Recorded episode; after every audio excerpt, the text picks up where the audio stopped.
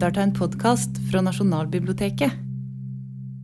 I innledningen til eh, Stuntpoetenes historie, eh, som utkom på tampen av eh, fjoråret, og som for øvrig er en glimrende innføring i et eh, viktig kapittel i norsk, nyere norsk eh, poesi, så skriver poet og forfatter eh, Tor Sørheim følgende om poesien. Poesien er en litterær sjanger som er eldre enn romanen, krimboka og kaffeslabberasutgivelsene som preger norske hjem. Diktet er i slekt med skapelsesmytene, middelalderballadene og Edvard Munchs Skrik. Diktet er alle ords opphav. Alle ords opphav, sier han faktisk. Det sitatet er det jo kraftig og det synes jeg er en ganske god begrunnelse for å bruke en time her på Nasjonalbiblioteket til å snakke om sjangeren poesi. Jeg synes også det er en eh, god begrunnelse for at poesien er først ut i denne rekka av sjangerlærerarrangementer. Samtidig så vet vi alle her at vi har en veldig stor oppgave foran oss. Eh, snakke om den eldste, mest opphavlige av dagens litterære sjangre. Eh, men også den eh, kanskje den mest varierte, den fineste, om det er lov å si det, eh, i løpet av en time. Eh, heldigvis så har jeg da med meg denne gjengen her. Eh, to av de aller fremste innenfor eh, poesien i Norge. Og en av de fremste diktleserne, da. så det er egentlig bare å stupe ut i det. og da Forresten vil jeg bare si en ting, at eh, Bergen offentlige bibliotek har i dag eh, offentliggjort eh, sin eh, alternative kanonliste med 100 verk som de vil fremme ekstra eh, fra litteraturhistorien. Eh, og Den er ikke bare begrensa til den norske. Og der har både Øyvind Rundbreid og Ingrid Lisbeth Hansen hvert sitt verk. Så det syns jeg egentlig vi skal gi dem en applaus for.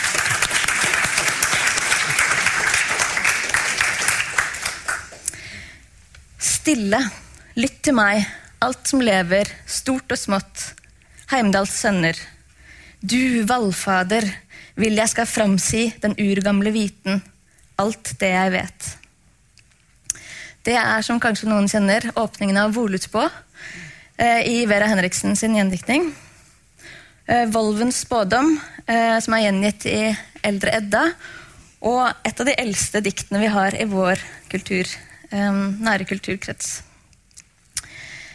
Og Hvis jeg da kan begynne med å spørre eh, dere to, da, Øyvind og Ingrid Lisbeth eh, Rett på sak, opplever dere at dere skriver dikt som er i en direkte forbindelseslinje til den eldste eh, poesien, enten det er Voluspå eller, eller uh, Bhagavad Gita, uh, eller Sapfos diktning, eller andre av de eldste diktene vi har. Uh, Inger okay. Ja, helt klart. Det er vel en av grunnene til at jeg faktisk uh, uh, skriver dikt. der kommer det Altså, det er jo den eldste. Og, og den har vel sitt opphav i det rituelle og, og magiske. og for mitt vedkommende så har det også vært det å på en måte komme ut av tiden. Komme ut av sin egen tid. Og ikke, altså, ut i det store rommet av tid. Jeg blir en del av et talekor. Men også ut i verden. Fordi, altså, Hvis du skal gå til andre kulturer, andre steder i verden, Afrika, Latin-Amerika, særlig Latin-Amerika, som jeg er opptatt av, så, så er det jo poesien uh, og mytene uh, som er du kan, altså der du kan møte dem. Mm. Der du kan møte den andre. Uh, der du kan bokstavelig talt reise ut av det museet du har i ditt eget hue hele tiden. Ja, det har jeg vært veldig opptatt av i, i min diktning. Så å komme ut i verden, det gjør jeg gjennom poesi. Det er der jeg kan møte, og også en annen tid. Mm. Så man, det er på en måte en klangbunn. Det er alltid en klangbunn. Jeg bruker det veldig mye. Jeg har, brukt nordiske tekster, men jeg bruker også Bibelen. på en måte, altså Alt det som ligger og flyter rundt oss, som vi har uten at vi nødvendigvis er oss det helt bevisst, så har vi det inne med morsmelka også. Så Bibelen også sånn, bruker som bro og spiller på og klangbunn. Mm. Ja, hva med deg? Uh, jeg tror ikke jeg tør si at jeg liksom uh, aksler den historikken i det daglige skrivearbeidet, men når jeg får tenkt meg om, og det skal han jo, så, eh, så vet en jo hva han står i. altså. Det er jo det er den eldste sjangeren, og en tyske filologer sier jo at det, det begynte med dansen rundt bål. altså, Sjamanisme, og selv om det er klisjé, så er det noe, noe i det. Men du kan jo også si at diktet er det eldste i vårt enkelte liv òg, altså i den enkeltes liv. Og da tenker jeg på det språket vi som barn møter. Mm. Så ikke fortellinger, men det er klanger, lyder, rim, sanger. Eh, og i begynnelsen klanger, ling, eh, klanger og rytmer som ligner på poesi. Eh, den britiske eh, barnepsykologen Donald Winnicott uh, utvikla noen veldig fine studier på uh, 50-60-tallet. Uh, hvordan barn ble selvstendige, autonome mennesker. Og han introduserte begrepet overgangsobjekt. Altså en sytteklut, en bamse, som, som tredde inn når f.eks. mor eller far var vekke og som barnet, gjorde at barnet ikke ble traumatisert hver gang mor forsvant ut døra. Eller, ja. Eh, og som det ble investert mening i. Og det er det jo altså, en helt klar parallell tenker jeg, til språket. Altså De klangene og lydene som eh, barn blir introdusert med eh, i, i, i, det, første, i det, første, året. Og, og, som det er um, og som viktig for å på en måte kunne bli skapende og altså mennesker altså, Hvis du tenker på noe så enkle barnerim eller sanger som Trollmors voggevise når trollemor har lagt sine elleve små barn og hvordan han knyttet de fast i halen, så synger hun de vakreste ord hun kan. Ja, ja, ja, ja, boff. Altså, en, Det viktigste og vakreste er altså bare nonsens. Men det har klang, og det har rytme og griper rett inn i hva diktning er. Man kan også se på barn som er som har Autistiske barn de har problemer med den metaforiske delen ved språket. Og, og ikke opp, oppdager ikke den store frigjøringen som fins i denne mellomverden, som jeg vil si språket er. altså eh, Overgangsobjekt eller mellomverden. Eh, sikkert har mange navn på det, men eh, iallfall fungerer som det limet som gjør oss til mennesker, og, og som gjør at vi kan kommunisere og, og, oppleve noe så stort som musikk eller ordkunst. Mm. Kan jeg bare få For det jeg syns altså for jeg hadde Altså, jeg eh, debuterte som åtteåring på Skipsførerfruenes eh, forening. Eh, da var det dikt jeg hadde skrevet selv som handlet om roser og skip på havsens bunn og sånne ting. ikke sant? Og på rim. På rim. Og det var jo selvfølgelig som lå fløt rundt da, det var jo Inger Hagerup og André Bjerke og, og, og deres barnevers. Og jeg kunne da så plutselig oppdaget at jeg kunne skrive på rim, og det var jo en glede. Altså den gleden og leken. Mm. Så det var jo sånn jeg kom inn i, i poesien. Og det var Ingrid Hagerup faktisk og André Bjerke. Men, men, det fantes ikke noe sånn Jeg kom ikke fra noe diktlesende hjem. Fantes ikke. Men de lå og fløt. Og, og, og men det var gleden og leken. Mm. Mm. Um, det er en kanadisk uh, uh, anerkjent poet som heter Ann Carson, som var forresten i Norge for ikke altfor lenge siden. Hun har også uh, gjendikta Sapfo. Uh, og i innledningen til den uh, gjendiktninga så sier hun at um, Hun åpner med å si at Sapfo var en musiker. Poesien hennes er lyrisk. Dvs. Si den er komponert for å bli sunget til lyrespill. Og først litt lenger nede i introduksjonen så sier hun Sapfo var også en poet. Uh, og vi regner jo på en måte Sapfo som den største av de første. Um, og Svein Jarvold, som har gjendikta Sapfo til norsk, han, han, er kanskje ikke så radikal i sin beskrivelse, men han sier også at han, hun eh, komponerte heller, at, heller enn at hun skrev. Og eh, jeg tenker for deg, Øyvind, som eh, en som eh, også komponerer dikt. Hvordan eh, tenker du selv på forskjellen mellom å komponere og skrive, og det å bruke eh, musikken, eh, språkets musikk, i diktene? Ja, altså um,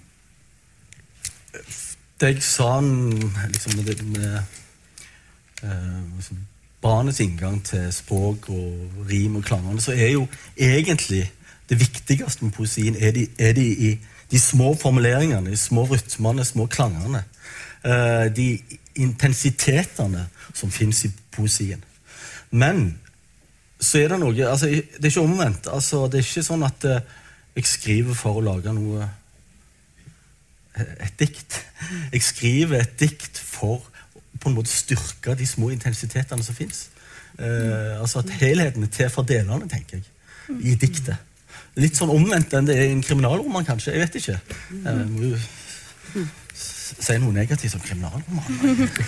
Ikke dra inn til Oslo uten å Eh, Nei, men, men eh, sånn tenker jeg det. Altså at eh, poesi er Det kan du finne i alle sjangre. Altså, ja, i kriminalromaner òg. Altså, eh, altså den kvalitet. eh, vi snakker om det lyriske og eh, ja, Til og med når jeg hørte så her sjakk-VM her før jul, så sa jo, gikk jo en av disse her eh, var det han eh, Sjakkeksperten Grønn han gikk jo helt fra konseptet og kalte da sluttspillet til eh, Magnus Carlsen for poetisk. Ja, det er det fineste man kan si. Men da var det et trekk igjen så var det et trekk som var poetisk. Eh, men sjakk, eh, altså, en trengte hele sjakkspillet for å styrke den eh, tanken om en, at det trengs en arkitektur til det. Altså.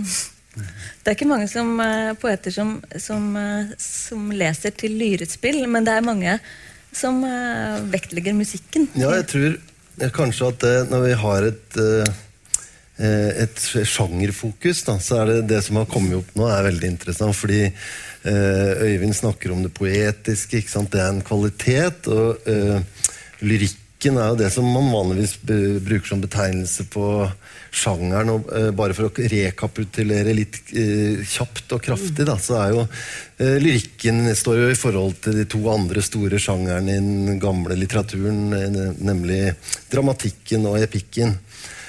Og Den gamle episke diktninga var også på vers, men den hadde da liksom andre eh, andre kvaliteter enn lyrikken, som ofte var komponert da til lyre.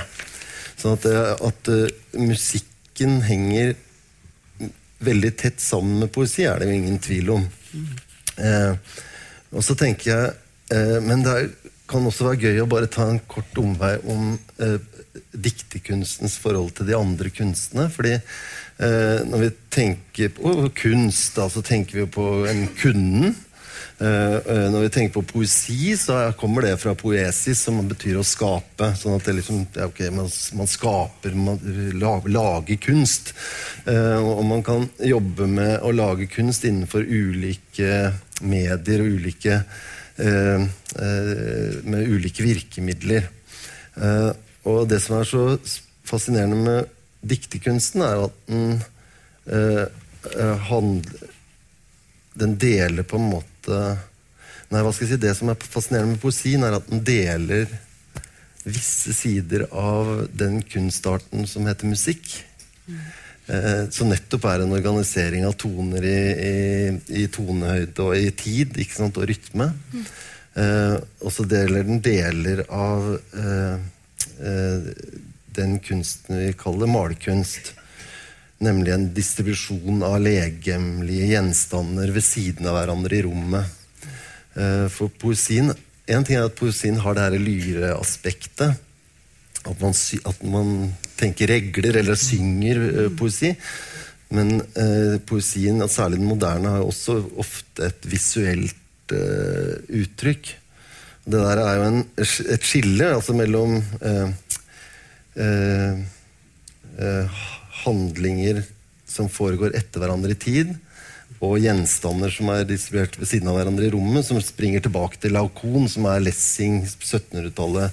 En, en, stor bibliotekar fra 1700-tallet eh, og forfatter sant, som eh, forsøkte å organisere de her ulike kunstartene og se på hva er det som er de fundamentale forskjellene mellom dem. Og, når det gjelder eh, poesi og musikk, så jo, henger jo også det veldig tett sammen med norsk poesihistorie. Så jeg tenkte jeg har tatt med ett eksempel som jeg bare tenkte kunne Når det først kom det her med sangen, da. For den første norske profesjonelle eh, poeten, hun var jo kvinne. Mm. Eh, eh, het Dorte Engelbrektsdatter. Eh, og eh, holdt til i Bergen. Så tenkte jeg bare skulle fremføre da noen få linjer fra hennes aftensalme fra 1600-tallet. Det er en salme da, som handler om eh, Hun ber Jesus om å beskytte seg og sine.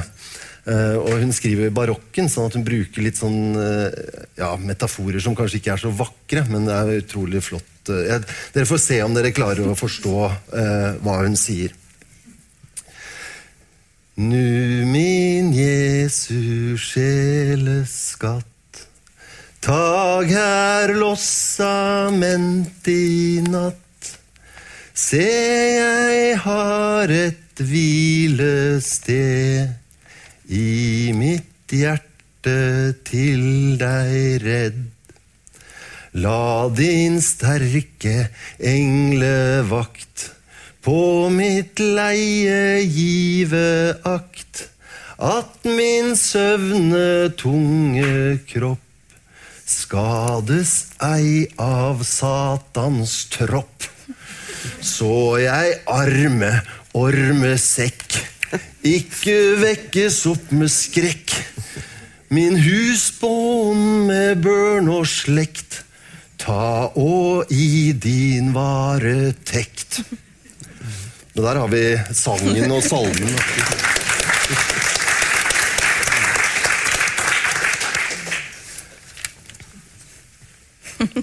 Takk. Det var uh, fantastisk. Uh, vi ser jo det at i den uh, moderne poesien så har vi jo ikke så stor bruk av Eller det er ikke så utstrakt bruk av rim som på Dorte Engelbrektsdatters tid. og går det an å se på rim og rytme for så vidt og som eh, måte eller hukommelsesteknikker. Altså sånn, det var det jo åpenbart, men en måte også å fastholde eh, som man ikke egentlig trenger når man har skriften? Eller er det Nei, altså jeg, jeg, mener man får bruke alt man kan, og alt man har lyst til, og alt som på en måte oppstår når du eh, jobber med å få fram et dikt. Altså så og jeg, jeg syns det har vært en sånn veldig tendens i, i, i, Norge, som er veldig spesiell for Norge, at det skal være enten-eller. Altså enten så er det bunnen form, eller eh, så er det liksom eksperimentelt, eller så er det engasjert, eller så er det eh, elitistisk, eller så er det brukslyrikk. Mm. Altså, og det er ikke typisk for altså, det er særpreget norsk. Og jeg mener det setter også veldig sitt preg på eh, norske sjangre. Og, og, og, hvilke grenser de har i forhold til hverandre. Jeg har jo med min bakgrunn altså søkt mot det spanske. Mm. Eh, for der er det ikke sånn. Se på Garcia Lorca. Og hele den såkalte 27-generasjonen, også med folk som Bonell og Dali og, og altså, Det var jo flere eh, ikke sant, der, ikke, ikke bare poeter. Men, eh, men, Lorca gikk jo til det laveste av det lave. Mm. Altså sigøynerne. Og de var jo virkelig sett ned på. Det er jo fremdeles òg, for øvrig. ikke sant? Og, og rim og middelalderballaden. Og trakk det inn i en helt surrealistisk, avantgardistisk eh, diktemåte fra eh, rundt 1930. Mm. Ja takk, begge deler. Ikke sant? Og jeg tror at når man skal ha sånne sjangerlærer og, Og sånn, altså, så kan det ofte bli eh, akademisk. Og jeg har jo selv akademisk bakgrunn og er magister i litteratur. Altså? Men det er jeg ferdig med. Ikke sant? Nå, nå skriver jeg Nå er jeg eh, poet. så, men jeg mener at poesien, og det er naturlig for poesien, den, den har en tendens til å bastardisere seg sjøl.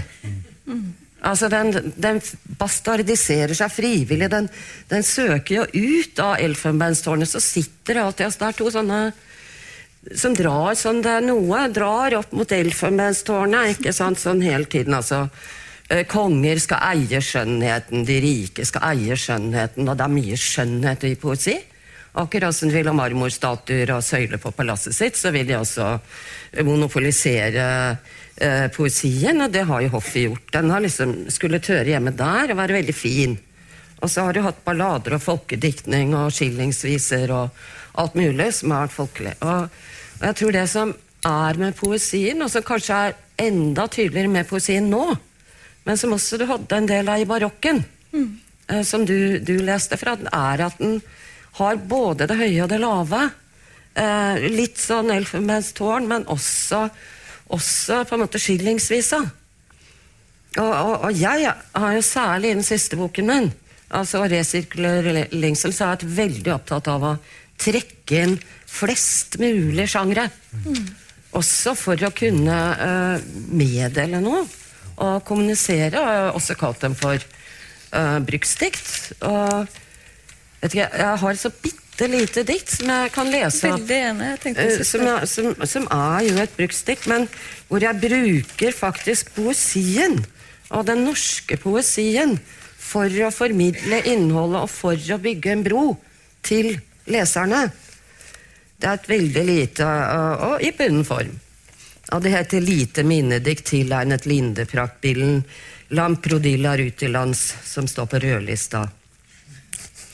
Lindepraktbille, Lamprodi lar ut til lands. Hvem får huske navnet ditt? Hvem får bruke lindetreet når profitten har tatt sitt?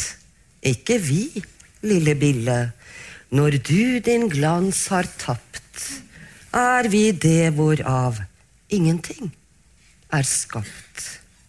Lille bille, når du tikker ut av lindetreets sjel, Tred oss ikke med din jernskodde hæl. Bergeland og Bjørnson, tusen takk.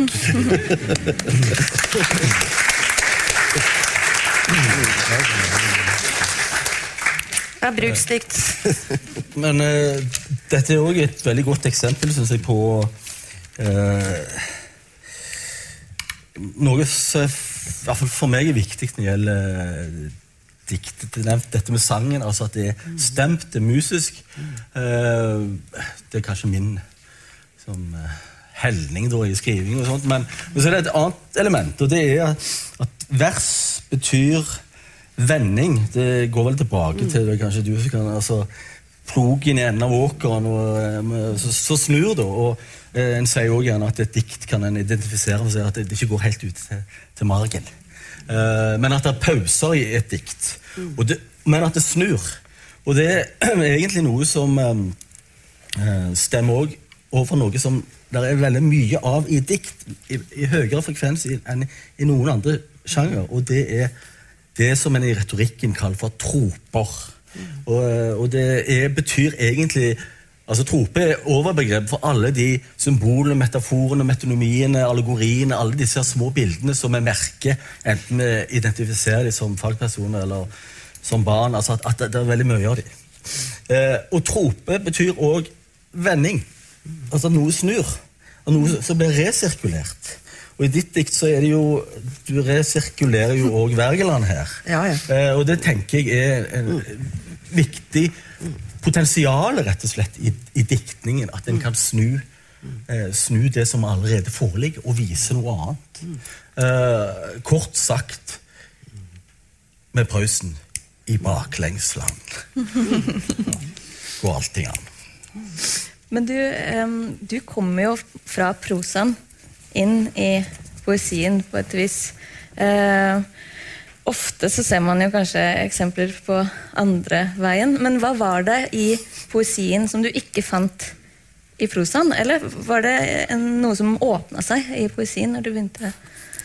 Kanskje mest den mus, musikalske for min del. da. Altså, Jeg skrev noveller eh, i hovedsak, og det er jo en sjanger som en gjerne sier har lyriske kvaliteter. altså Den har en intensitet, og, og, det er en mulighet òg for å øh, øh, Så så er det sikkert også med litt legning òg. Altså det øh, Jeg er utålmodig anlagt.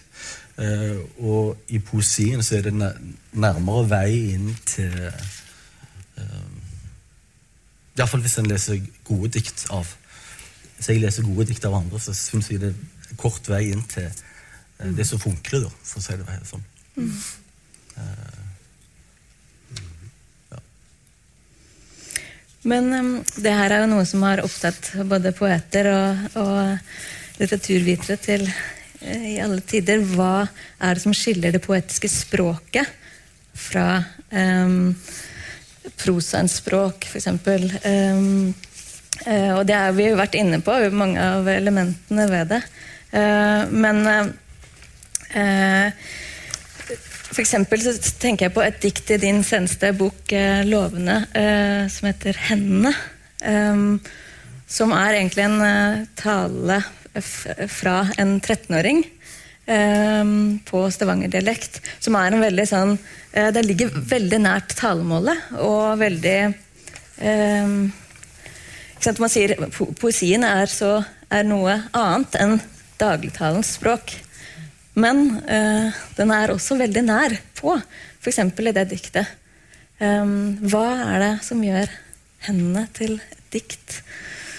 Kanskje Trond, diktleseren, kan hvis du har det. Det var kanskje ja, ja, eh, Jeg tror ikke jeg skal tørre å begi meg ut på det. Men først så tenkte jeg jeg skal helle litt sånn kaldt vann i, Eller kaldt, hva heter det, kaldt vann i årene.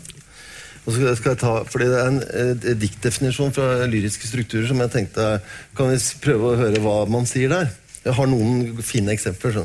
det er, et lyrisk dikt er en autonom og oftest relativt kort dikterisk tekst som av og til kjennetegnes ved visse formelle trekk av typografisk og metrisk art. Fast metrisk mønster, rim, strofisk oppbygning osv. Så det er på en måte, ikke sant, Da vet vi det. Så hvis det er, hvis det ikke sant, da, eh, da, har man på en måte ett svar. Men så, er det, men så er jo det at det alle vet, er jo at det er umulig å definere poesi. Eh, og et dikt, og at et dikt kan være alt mulig.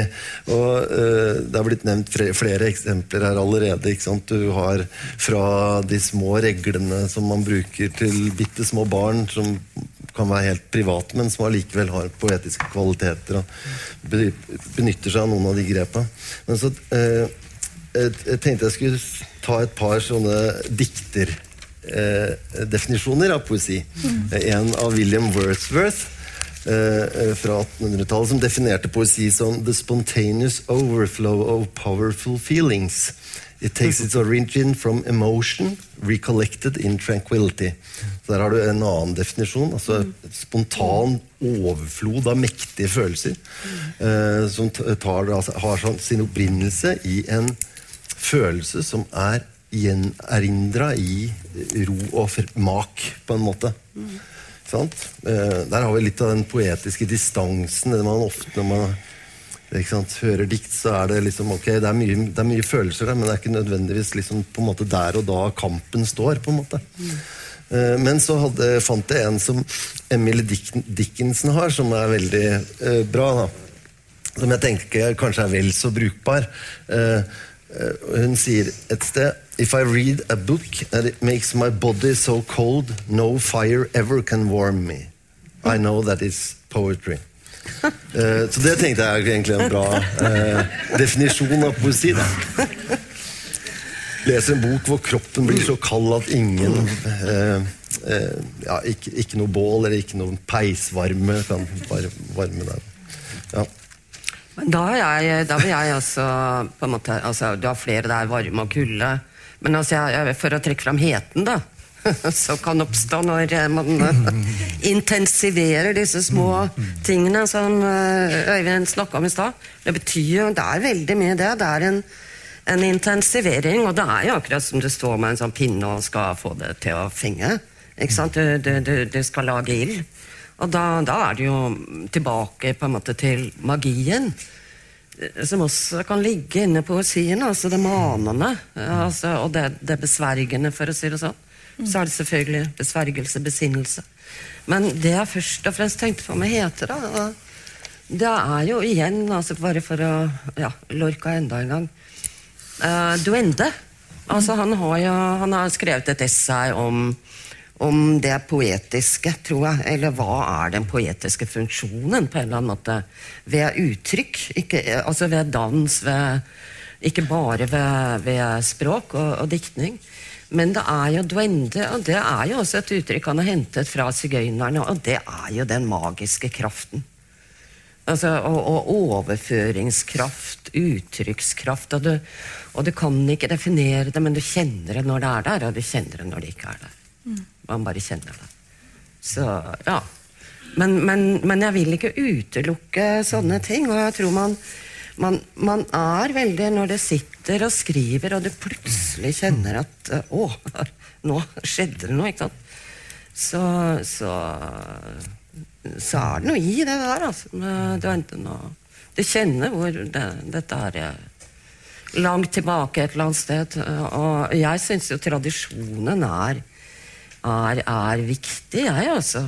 Men, men, det har noe å gjøre med at, at du, du, du, kan godt finne definisjoner, og du kan bruke sonetteformer og alt mulig. Og, og, på en måte varme deg på, eller kjøle deg på, eller altså Å kjenne på bruddflater, ikke sant? Altså, så det er jo en sånn ganske fysisk eh, mm. på en eller annen måte prosess altså, å skrive dikt. Ja, poesi.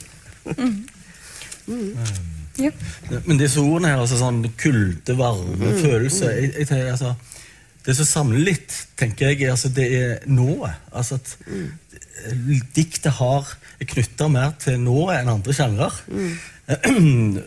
og det kommer kanskje òg for at det slekter litt på sangen. Altså, Kvad det var jo òg betegnelsen i norrøn diktning for diktning. Altså, og, senere i folkediktning så er jo det å synge.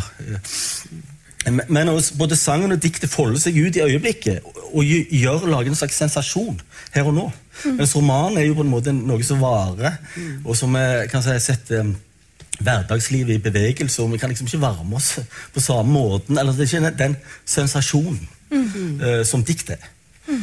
Um, så kan en jo da forsterke det litt. Grann, da. Altså, det skal en jo gjøre når en snakker om dikt. altså Uh, altså at I romanen så sier en gjerne at det handler om noe som går forut. En hendelse som ligger forut. Selv om det er fiksjon, så er liksom teorien i hvert fall, som jeg har sett, at det, det viser til noe, eh, noe som har hendt. Mm. Mens eh, diktet altså lager noe her og nå. Så kan en da forsterke det. Eh, og Iallfall hvis en tenker på Dorte Engelbrektsdatter og salmediktningen Wergeland. Eh, eller det diktet som så sto så sterkt etter 22. Eh, juli, altså 'Til ungdommen' av Nordahl Grieg, hvor det heter et stykke inni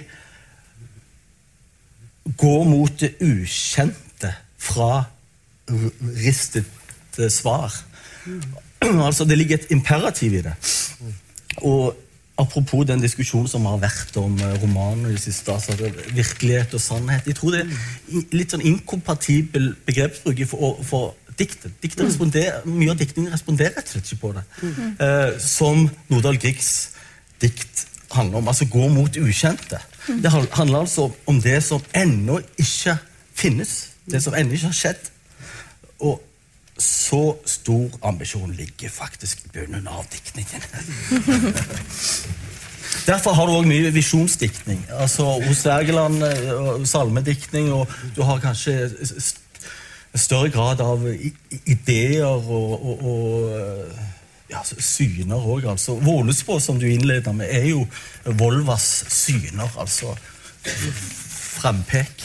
Nei, jeg, jeg likte veldig godt det der altså, å gå mot det ukjente, fordi at uh, det, er, det er nettopp det, altså, det, det der som jeg sa egentlig til å begynne med, altså, å oppdage verden. Og da mener jeg ikke bare at du skal ta altså, eh, ta, foreta en ekspedisjon til et sted hvor du ikke har vært før. Liksom sånn helt, men, men jeg mener det det kan være altså ditt eget nærvær. Hva er, hva er nærværet? Altså, Diktet handler jo om altså Det kan være en sirkel. ikke sant? Diktet kan være en sirkel, mens, mens romanen er en strek. ikke sant? Begynner der og slutter der. Men, mens diktet er en sirkel, og det intensiverer på en måte nærværet. Men samtidig så åpner jo verden og, og oppdager den. Mm. Så du oppdager det som er sånn, faktisk sånn aller nærmest, men det kan også være en så veldig nydelig måte å altså såkalt oppdage den andre på. da.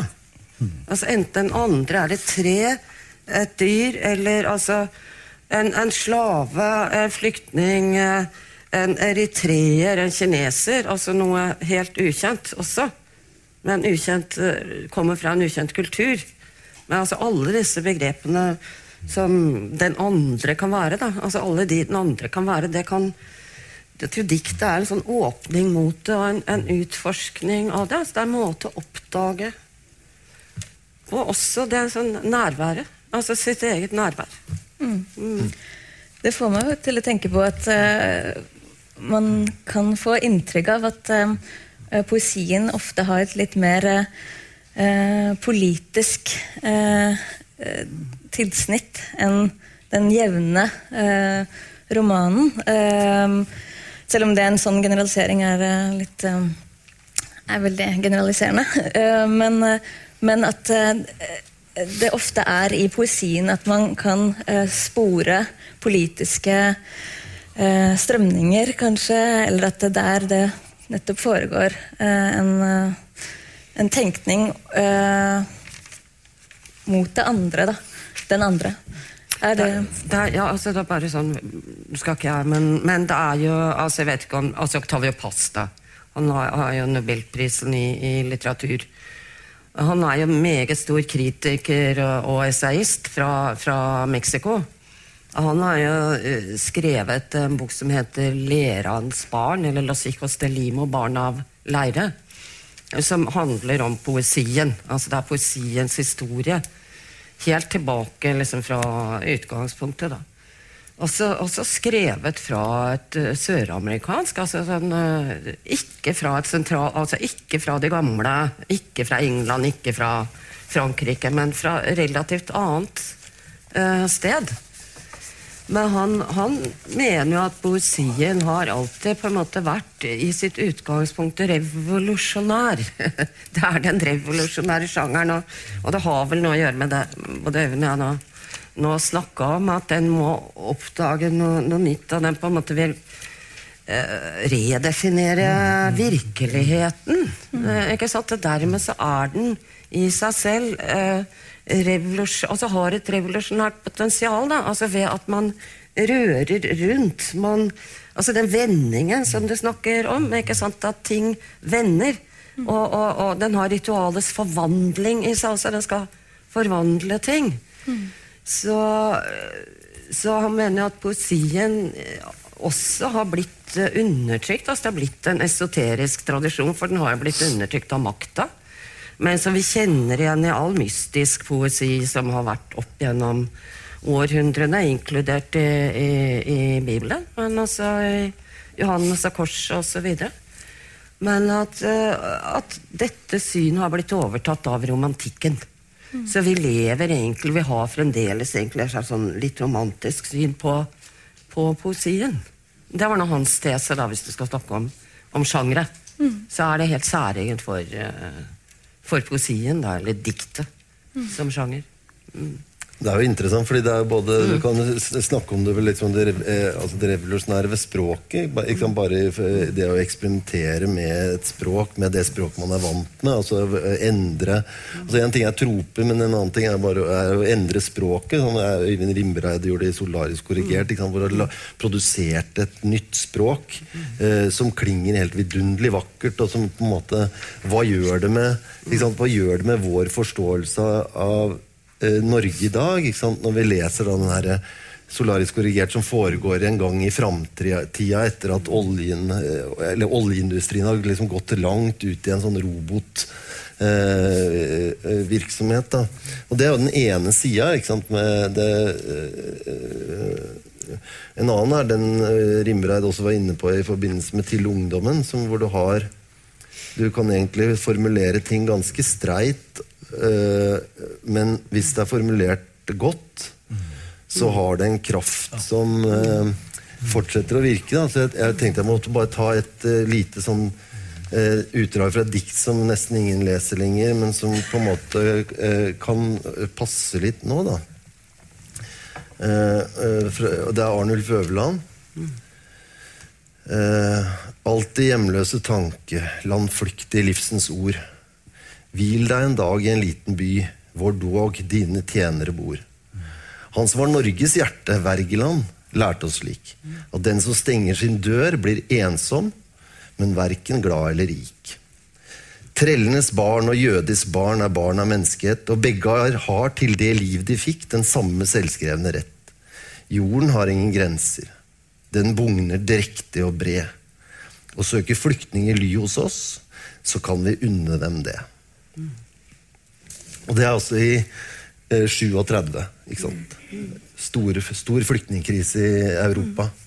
Og inngangen til eh, eh, en forferdelig tid.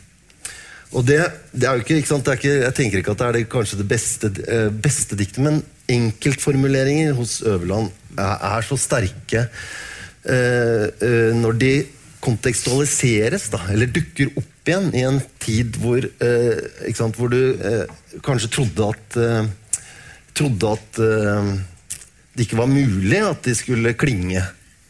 Eh, man tenker, man tenker fortid er fortid. De her orda har ikke noen virkning lenger.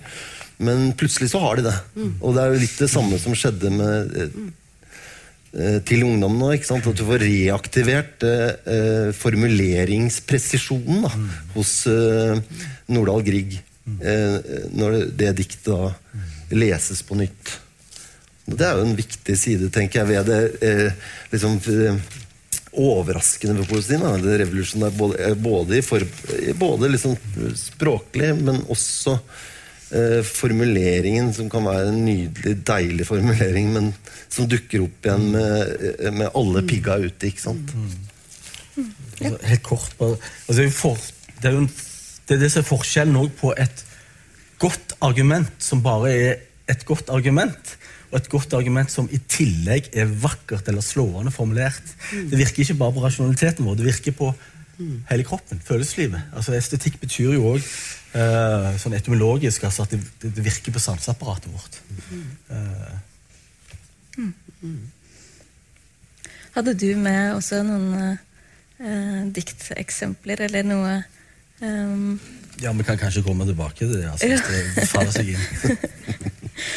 um, um, vi snakker jo om, eller ofte så kommer det opp igjen i den norske debatten, i hvert fall at diktet er i krise, eller det er marginalisert, eller hva som helst.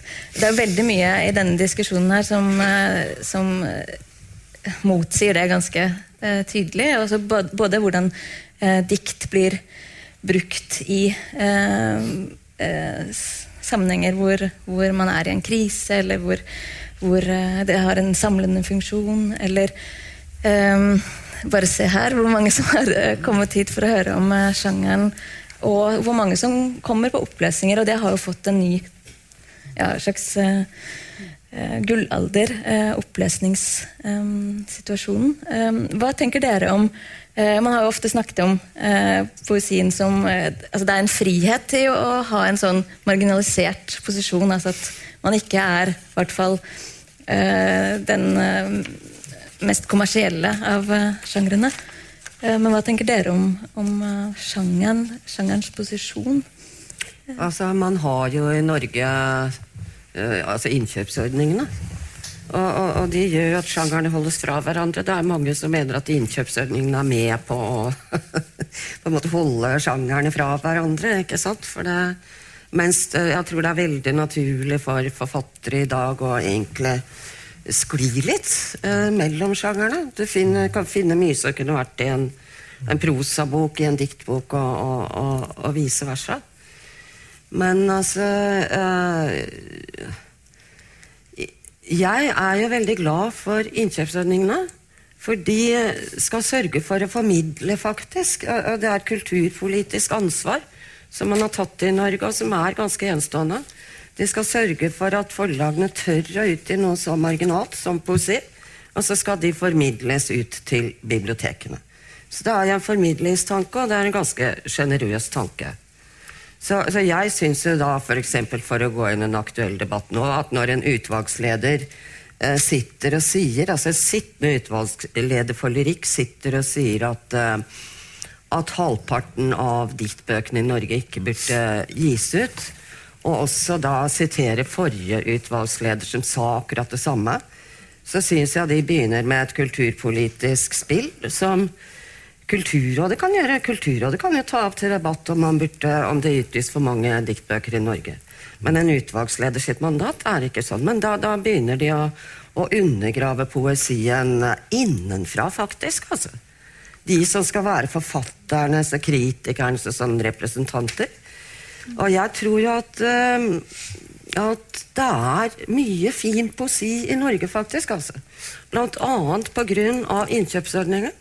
Og så er det også at poesi faktisk uh, fungerer veldig bra muntlig. Altså Det er deilig å høre på den, det er deilig å oppleve den, men du kan også ha den skriftlig, du kan ha den på nett. Altså Den er på en måte veldig mobil. Og den har et veldig sånn brukende uh, format også, så, så, poesien er jo virkelig på en måte i siget. Mens du da har en utvalgsleder som sitter og skal ha, hale poesien opp i elfenbeinstårnet og sier at er så, det er så spesielt med poesi at det må stilles mye større krav til den enn til prosa, hvor alle bøkene blir innkjøpt. omtrent. Så altså, ja.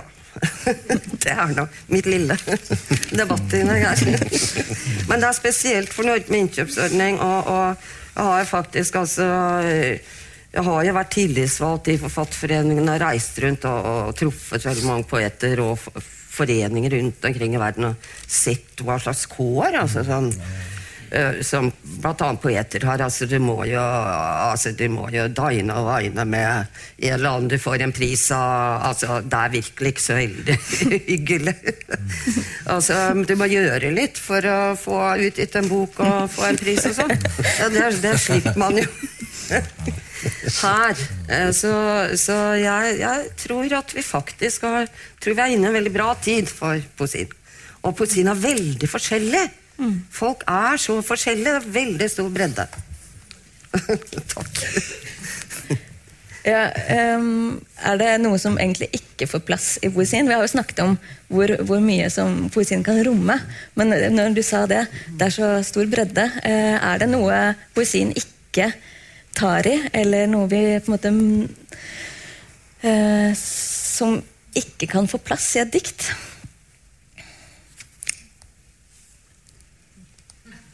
Nei. Nei. Så lenge den ikke slutter å være ha de kvalitetene som eh, poetiske eller lyriske. Hvis en gir slipp på det, så, så, blir det noe annet, tenker jeg. Men ellers så eh, er det en ekstremt fleksibel sjanger, og det, det er jo den sjangeren som tåler mest språk. altså. Det er en ekstrem sjanger på en måte. Og uh, prosa bryter mye lettere sammen altså, hvis den begynner å uh, ja, virkelig går uh, i gang med å kjenne på ytterkantene av språket. Det, men jeg, tror, jeg, tenker, jeg tror det er liksom Bare til litt Elisabeth sa i forhold til utgiste for mange eller akkurat passe med diktsamlinger. Jeg tror Det som er bra med poesien, er, den, er den er jo på en måte potensiert eksperimentell. Den har på en måte en Den har en Den løper foran, på en måte. Prøver å løpe foran. Dikteren skal være et foranskutt lyn. Den har litt uh, ambisjoner der. Og, uh, og, jeg tror at det, som en eksperimentell sjanger da, så er det nødt til å, på en måte, du er nødt til å ha mange diktsamlinger som går på snørra. Eh, altså Som på en måte ikke sant, eh, Litt sånn som det heter i det diktet til Jan Erik Vold. eh, Noen kjærtegn lykkes ikke, men noen lykkes. Ikke sant? Altså, Det er jo, altså, det er jo litt sånn eh, eh, Sånn der, da.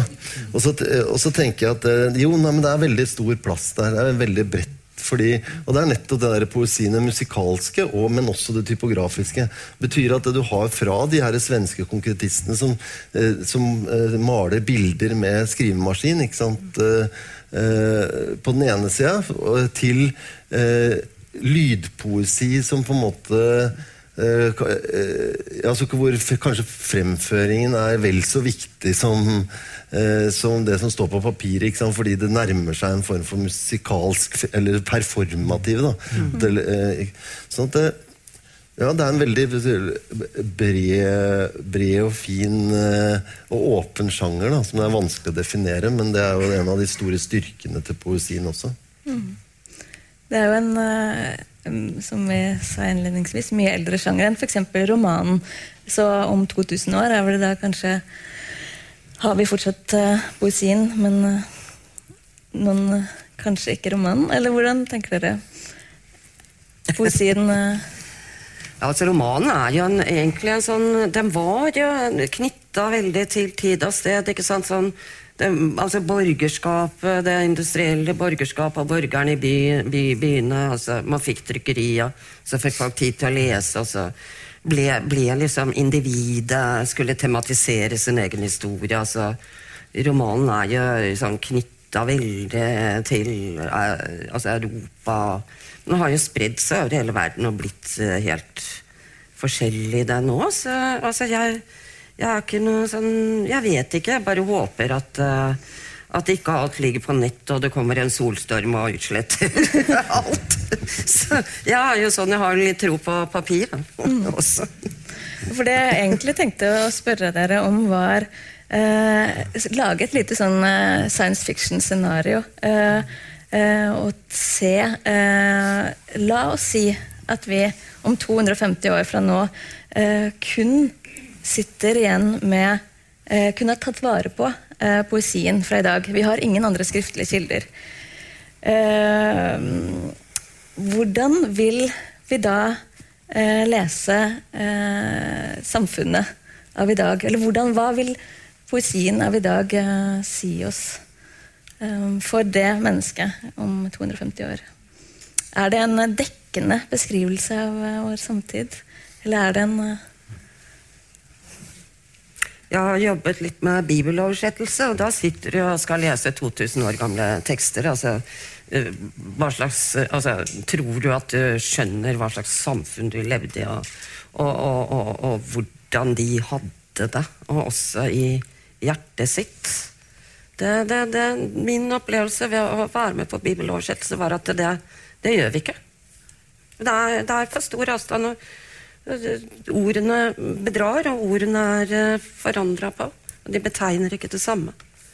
Så vi kommer ikke tilbake til nøkkelen sånn på den måten. Mm. Men uh, mm. Hva tenker du om uh, scenarioet? Uh, det var et vanskelig spørsmål, altså. Men, eh, eh, nei, altså det, ville, altså det de ville sittet igjen med, ville jo være hvordan mennesker i vår tid skrev dikt og tenkte poetisk. Eh, og det er jo ikke nødvendigvis hvordan folk levde, men det er hvordan eh, eh, bestemte tilværelser nei, bestemte sider ved tilværelsen, eller hele, hele tilværelsen, ble Fikk et poetisk eller lyrisk uttrykk. Eh, eh, ja, jeg, jeg, jeg våger ikke si mer enn det. Altså, det eh, nei. Ville de se på det som et rikt eh, materiale? Altså vil det være, Man ser på dagens poesi som, som en slags gullalder. Det tror jeg. Det tror jeg og du, du, altså, nå har det, det er jo ikke sant, nå på en måte Den her science fiction-settingen din er fremmed fordi du på en måte du setter liksom en parentes rundt alt det andre. Eh, eh, jeg, tror du, jeg tror du er på en måte avhengig av å ha Du er nødt til å ha de her krittpipene som du graver fram fra Stockholm. Du er nødt til å ha noen historiske fremstillinger? For, å, for å skjønne liksom, hvem var Fredmann urmakeren eh, i Fredmanns epistler av Bellman. Eh, og, og, så, og så trer det på en måte fram. Du vil måtte grave fram noen gater. Ikke, ikke sant? Så trer, trer jo verden fram der. Og når det da kommer til liksom avslutninga av epistel 81, eh, og, og, og leser da på papiret Torstig var hun, og uttorstig er jeg. Vi er torstige alle. Så kjenner du igjen eh, liksom den menneskelige eh, pulsen. Ikke sant? Og du kan eh, jeg tror det, det er noe med det med dikt. da At du setter deg over et dikt, og så begynner du å lese, og så stopper du, og så leser du en gang til, og så stopper du, og så får du lyst til å snu deg mot noen og si liksom eh, Men hør på det her, da. Eller se på det her. Eller hva betyr det? liksom? Hva, hva, hvordan går det an å skrive sånn? Mm. Hva er det altså, er, er det mulig å formulere det så sterkt, liksom? Det er jo den eh, følelsen man har når man sitter med eh, eh, altså, Til et Astrup-bilde av Olav og Hauge. Ikke sant? Kan hende drømme deg om dette her, ikke sant? hvor du ser det her bildet. Og, eh, eller en eh, sonett av Shakespeare, eller, eller Klippeblåvingen av Inger Elisabeth, eller eh, eh, leser setninger hos Øyvind om at roboter trenger ikke drømmer, eller ikke sant, i det her fremmedspråket hans. da. Eh, men jeg tror du kjenner igjen på en måte ikke sant, Så kan du si at det er, liksom fakta. Ikke sant, det er jo det nye nå er jo sånn alternative fakta. Ikke sant? Det er veldig moderne.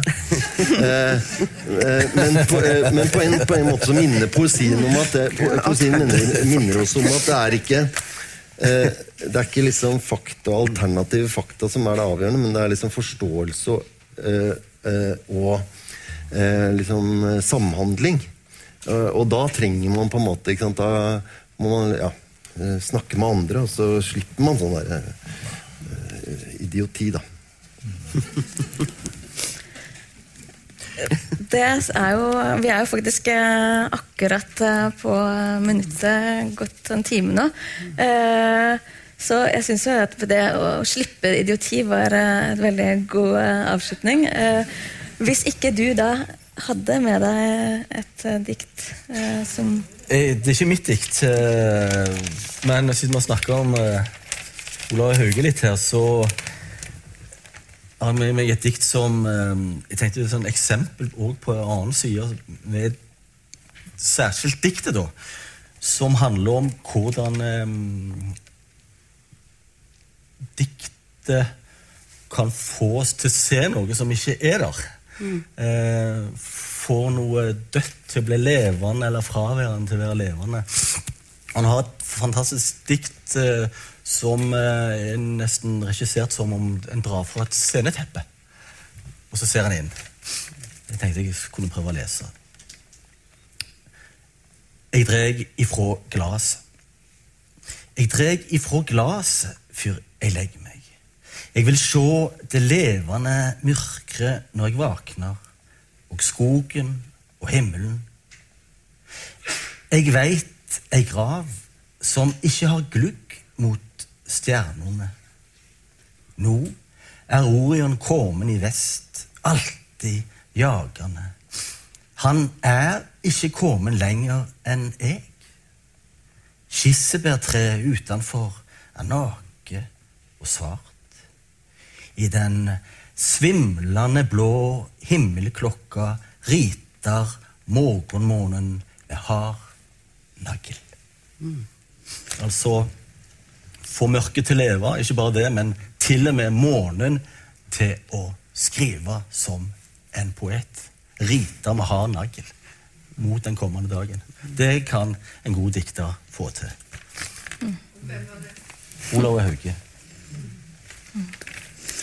Tusen